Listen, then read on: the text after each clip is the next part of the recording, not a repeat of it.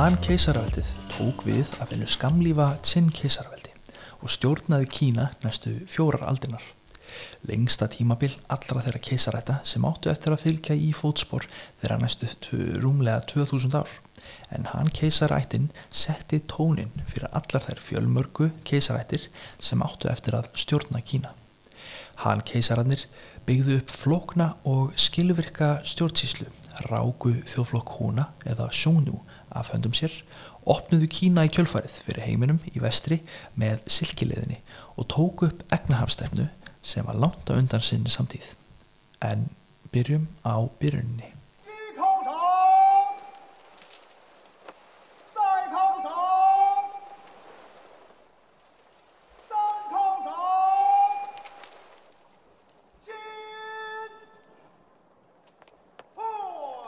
Sinnveldið virtist hafa veið búið trösti þegna sinna undir lokin en það voru stjórnunarhætti þeirra einstaklega miskunarleysir.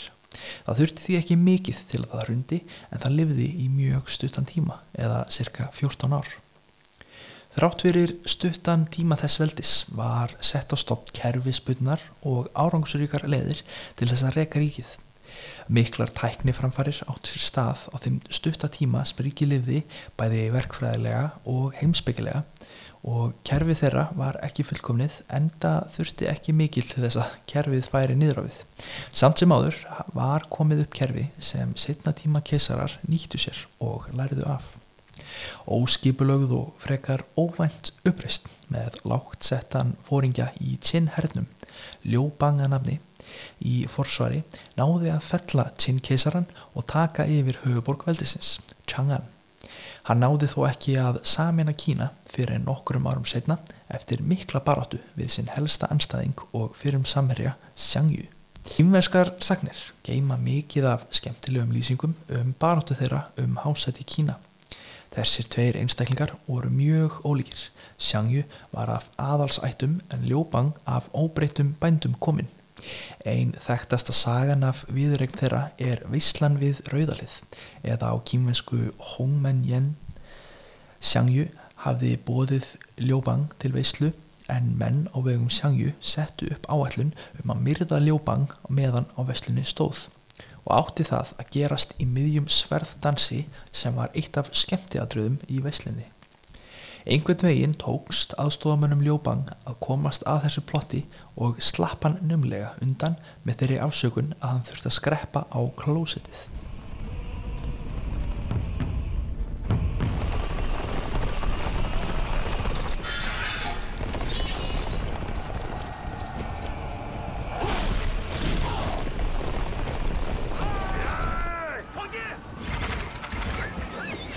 Þeirra baráta hafði staðið yfir í nokkur ár en laugsamt með Sigri Ljóbang þar sem hann saminaði Kína á ný og stopnaði nýja keisarætt. Hann keisarættina sem átti eftir að ríkja með örlillu hliði þó næstu fjórar aldinar. Hann keisarar breyttu ymsu og bættu frá tíma sinn keisarvaldsins.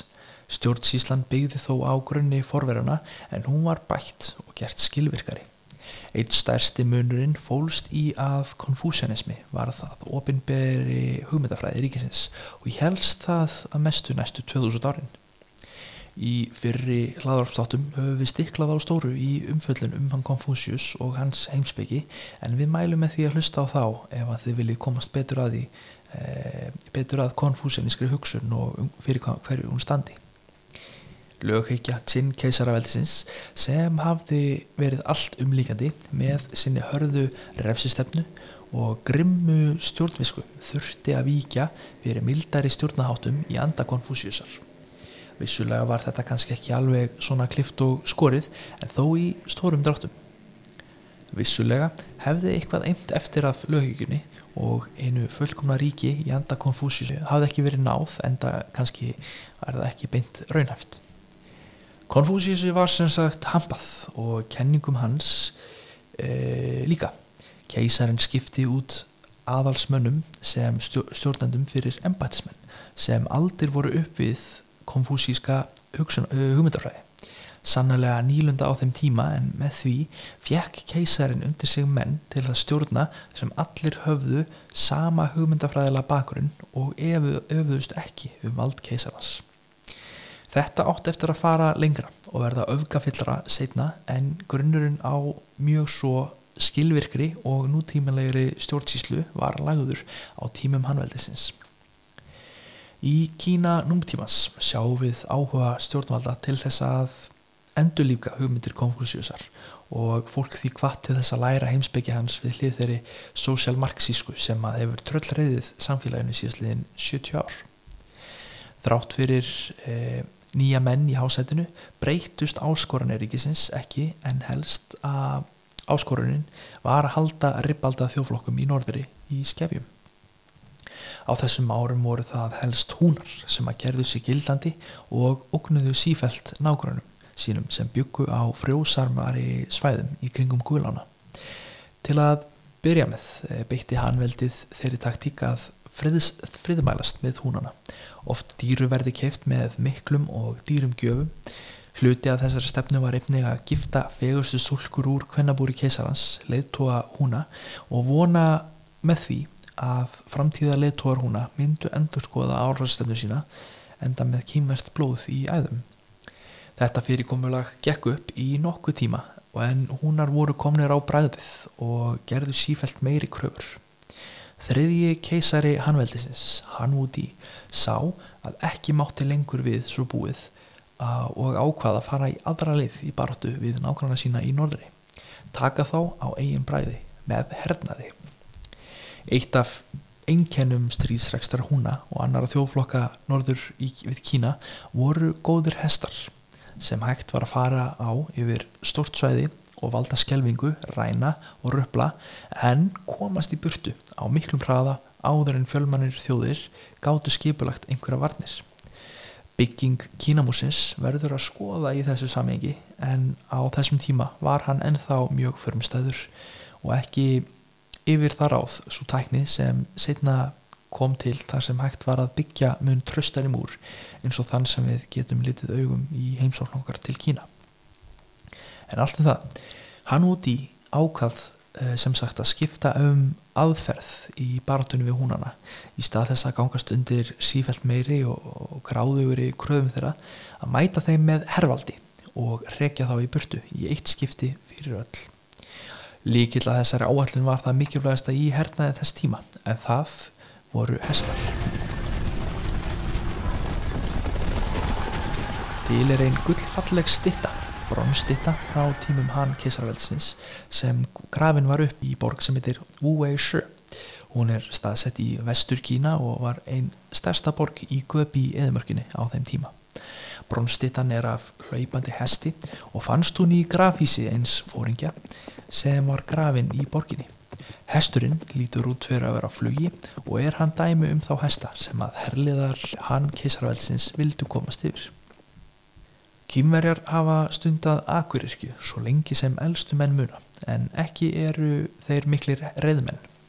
Það fælst í eðli þess lands sem þeir hafa lifibröð sitt af. Uh, grundvallar atriðið var því ef þeir áttu að eiga róð í hyrðingaþjóðunar í norðuri varð að geta mætt þeim með þeirra styrklingum. Ákveði var því að koma upp sterkari hér þar sem hestar og riðmenn þeirra, nokkus konar rittarlið, var í aðhlutverki. Hestarnir sem áttu eftir að skipta sköpum í þessari baróttu vengu kymmerjar úr Fergs Hanadalum í mið-Asju og hestarnir kendir við þann dal sem er í Úsbekistan í dag.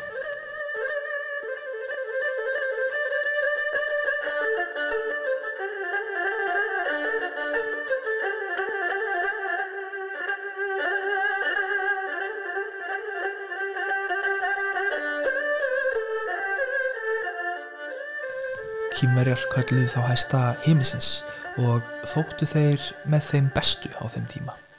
Tókst þetta svo vel að innan farra ára frá fyrstu herfurum hann út í að húnandir voru kýmverjar uh, að mestu lausir við þessa kvimliðu nákra sína sem leituðu í kjölfarið í vestur eftir góðun landsvæðum til að rána og áframhaldandi greipdeila. Eftir að húnandir voru sigraðir let hann út í ekki staðar numið heldur helt hann áfram að leggja undir sig fleiri svæði í vestri sem opnaði fyrir silkileðina frægu.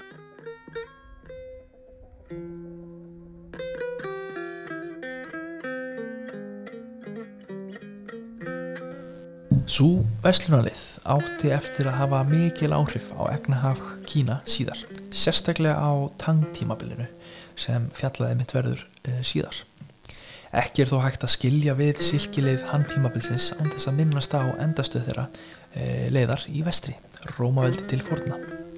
Það er alveg ótrúleg tilverun, eða kannski ekki, að Hanveldið í Kína og Rómaveldi við miðverahafið skuli hafa risið, náð hápunkti og nýið á svipuðum tíma. Engin forunleg tengsl voru á milli þessara tveggja stórvelda en það mikil fjarlægð á milli þeirra á þess eh, tíma mælikvara. Í Róm voru sagnir um Ceres heiminn í austri sem menn höfuðu óljósar hugmyndurum en framleiti þennan dásemdar varning silkið. En það var engin maður með munnum í Rómaveldi nema klæðist silki frá toppi til táar. Er raunar talið að fjár útlátt vegna silkikaupa hafði aðalokum orðið til þessa rómaveldi fjalli. Eflaust eru skýringar á því eitthvað floknari en, en, er, en þessi tilgáta er einhvað síður afar aðeinsverð. Ekki er hægt að fjalla um hanveldið án þess að minnast á skipulag egnahafsmála sem voru langt að undan sinni samtíð. Kímaska ríkið var stort og vel skipulagt sem kom sér vel því uppskerubrestur uh, á einum stað mátti bæta með því að dreifa umfram matvælum frá öðrum svæðum á stöðum sem örðu ítlóti. Þetta var eitt af stóru viðfangsefnum stjórnvalda í Kína gegnum tíðina og er að einhverju leiti enn þann dag í dag. Með þessu móti gáttu þeir sem stjórnuðu Kína sagt með nokkur réttu að saminað Kína veitti meiri auðseld og öryggi en fjöldi smáríkja gætu veitt. Byrðahald stjórnvalda á matvælum kom einnig í veg fyrir spá kaupmesku sem var, hvort sem við trúum því ekki, orðin staðreind að þessum tíma. Afskipti ríkisins af efnahafslífi landsmanna kerti þó um þverbak á tímum hann múti sem áður var nefndur en hann leiti e, leiti í lög engasölu ríkisins á salti og hjárni.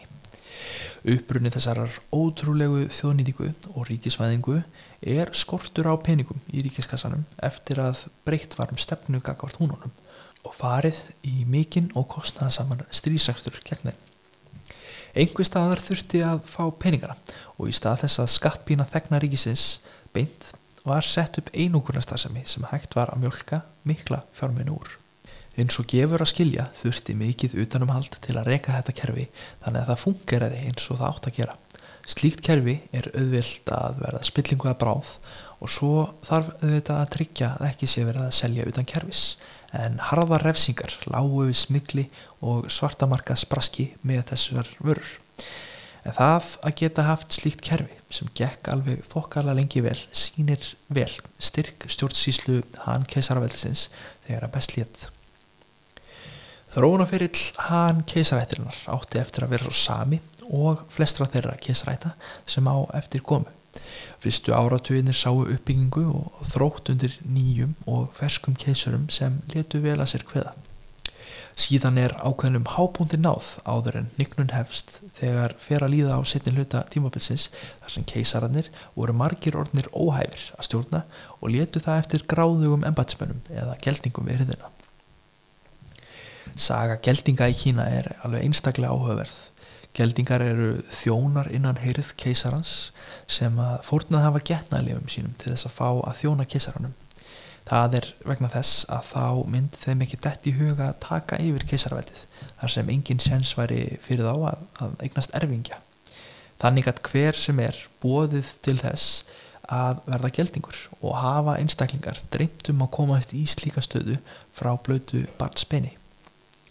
Í gegnum söguna hafa geldingar og konfúsjanískir eh, embatsmenn átt í strángri valdabaratu innan hýrðarinnar og ofta á tíðum hafa geldingar staðið uppi sem sigurvegar í þeirri baratu og þar með orðið hluti af ningnun kísarvætisins. Eunuchs, come down here!